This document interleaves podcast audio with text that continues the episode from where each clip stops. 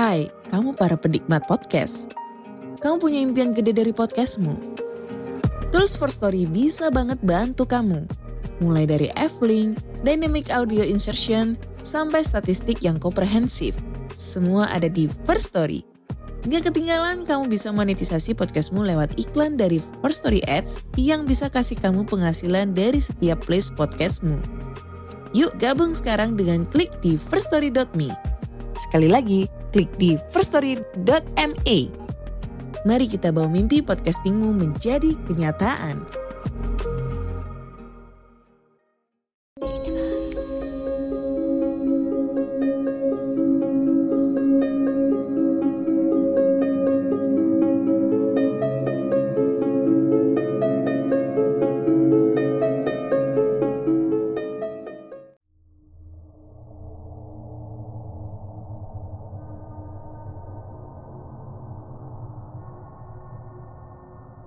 Sekali lagi selamat malam dan selamat datang kembali. Setelah kalian mendengarkan cerita hantu Sadikem Kita akan lanjut ke segmen yang kedua Yaitu mengenai pengalaman penjual bakso yang dicegat hantu harimau di hutan jati.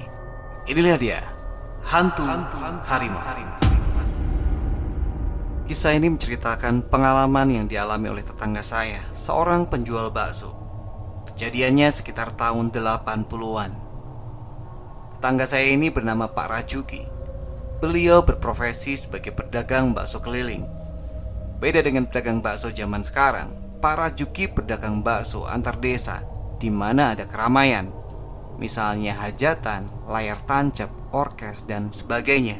Pak Rajuki akan datang dan berdagang. Waktu itu Pak Rajuki berdagang ke desa Banjaranyar. Jarak desa tersebut dari rumahnya sekitar 7 kilometer dan harus melewati hutan jati yang pada zaman itu hutannya masih lebat dan menyeramkan.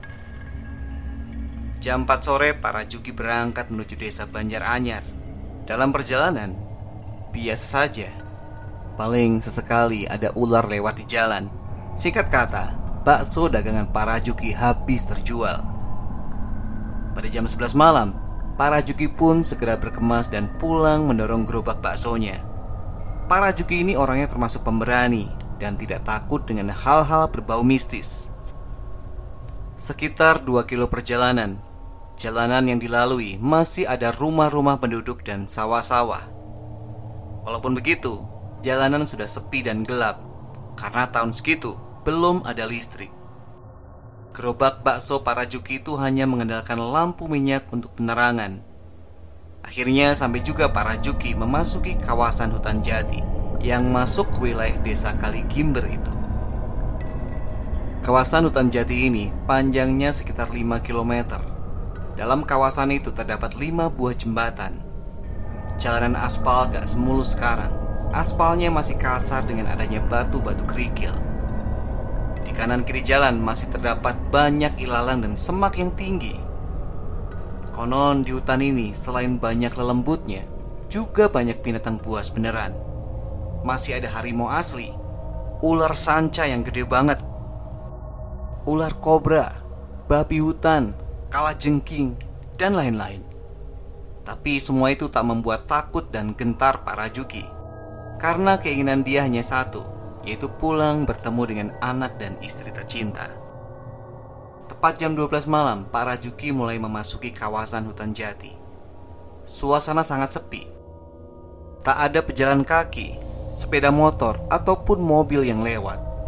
Maklum, tahun 80-an masih jarang sekali orang yang memiliki kendaraan, apalagi di wilayah pedesaan.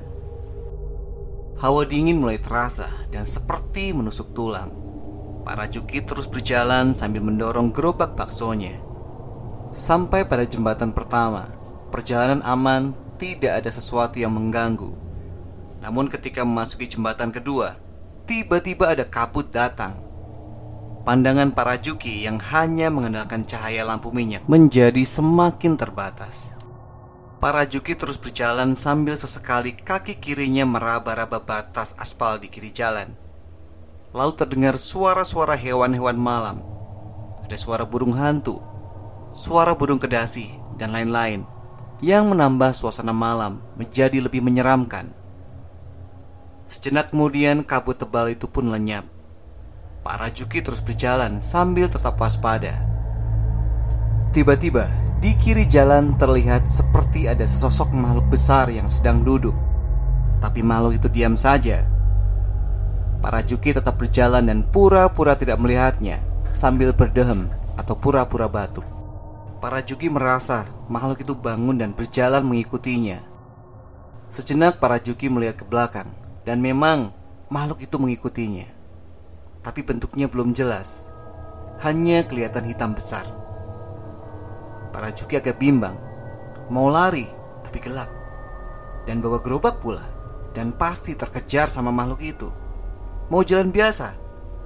Nanti makhluknya bisa dengan mudah menangkapnya. Akhirnya para Juki hanya bisa pasrah dan tetap berjalan seperti biasa sambil mendorong gerobaknya. Sampailah pada jembatan ketiga atau jembatan yang berada pas di tengah kawasan hutan jati tersebut. Kalau nggak salah jembatan itu namanya jembatan Kali Sampang. Para Juki masih tetap berjalan sambil mendorong gerobaknya. Suasana kembali sepi mencekam. Tiba-tiba, di pinggiran hutan sebelah kiri jalan, terdengar suara seperti benda besar yang jatuh dari atas. Para Juki kaget bukan main. Sampai-sampai refleks kakinya melompat. Detak jantungnya semakin keras berdenyut. Para Juki berhenti sejenak, ambil lampu minyak dan mengamati asal suara benda jatuh tersebut. Para Juki tak melihat benda yang jatuh. Hanya terlihat pohon-pohon jati dan semak belukar di tempat asal suara keras tadi. Para Juki pun kembali melanjutkan jalan sambil dorong gerobak baksonya. Baru beberapa meter ia melangkah Terdengar suara seperti makhluk yang berjalan di atas daun-daun jati kering dan semak belukar. Para Juki berusaha sekuat tenaga untuk tidak lari dan tetap mendorong gerobaknya sambil matanya melirik ke samping, tapi kepalanya tetap menghadap ke depan. Namun samar-samar di sisi kiri jalan, para Juki melihat sesosok makhluk hitam sedang berjalan. Jarak makhluk itu dengannya sekitar 5 meteran. Para Juki menghentikan langkahnya. Namun makhluk itu ikut berhenti. Ketika para Juki kembali melangkah Makhluk itu pun ikutan melangkah. Rasa takut, cemas, ngeri Bercampur jadi satu. Akhirnya para Juki nekat Dia berhenti dan melihat ke arah makhluk hitam tadi berjalan Tangan kanan memegang lampu minyak dan tangan kiri posisinya membuka dan diletakkan di atas alis seperti pose orang memandangi sesuatu yang kurang jelas. Para Juki memberanikan diri melangkah ke arah samping kiri, meninggalkan gerobak.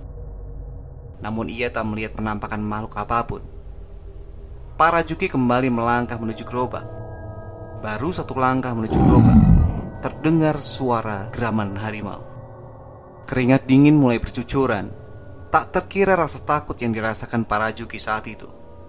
Ngeri Khawatirnya tahu-tahu harimau itu menerkam punggungnya. Sejenak para juki terpaku di tempatnya berdiri. Suara geraman harimau yang disertai dengusan nafas lapar terdengar semakin keras dan mendekat.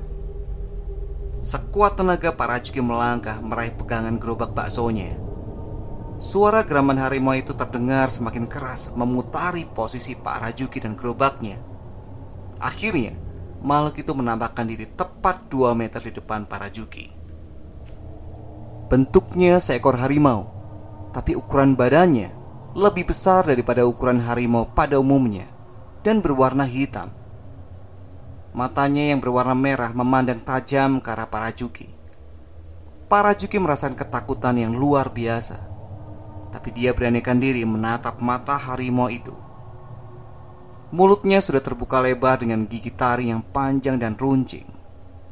Para Juki kemudian berkata, Kisanak, kalau Kisanak mau makan daging saya, monggo silakan. Tapi ada syaratnya. Jangan sampai ada darah saya yang menetes. Kalau sampai ada darah yang menetes, anak dan cucu saya akan datang menuntut balas. Setelah Pak Rajuki berkata seperti itu, ajaib, Sosok harimau itu pelan-pelan bergerak mundur menjauhi Pak Rajuki dan kembali masuk ke dalam hutan, masih dengan posisi mundur dan lama-lama menghilang di telan kegelapan malam. para Juki kembali melanjutkan perjalanan pulang mendorong gerobaknya. Keesokan harinya, berita tentang para Juki yang hampir dimakan harimau itu tersebar dari mulut ke mulut. Oke, begitu akhir dari cerita horor kita di malam hari ini. Terima kasih sudah mendengarkan sampai akhir. Semoga kalian terhibur. Selamat malam dan selamat beristirahat.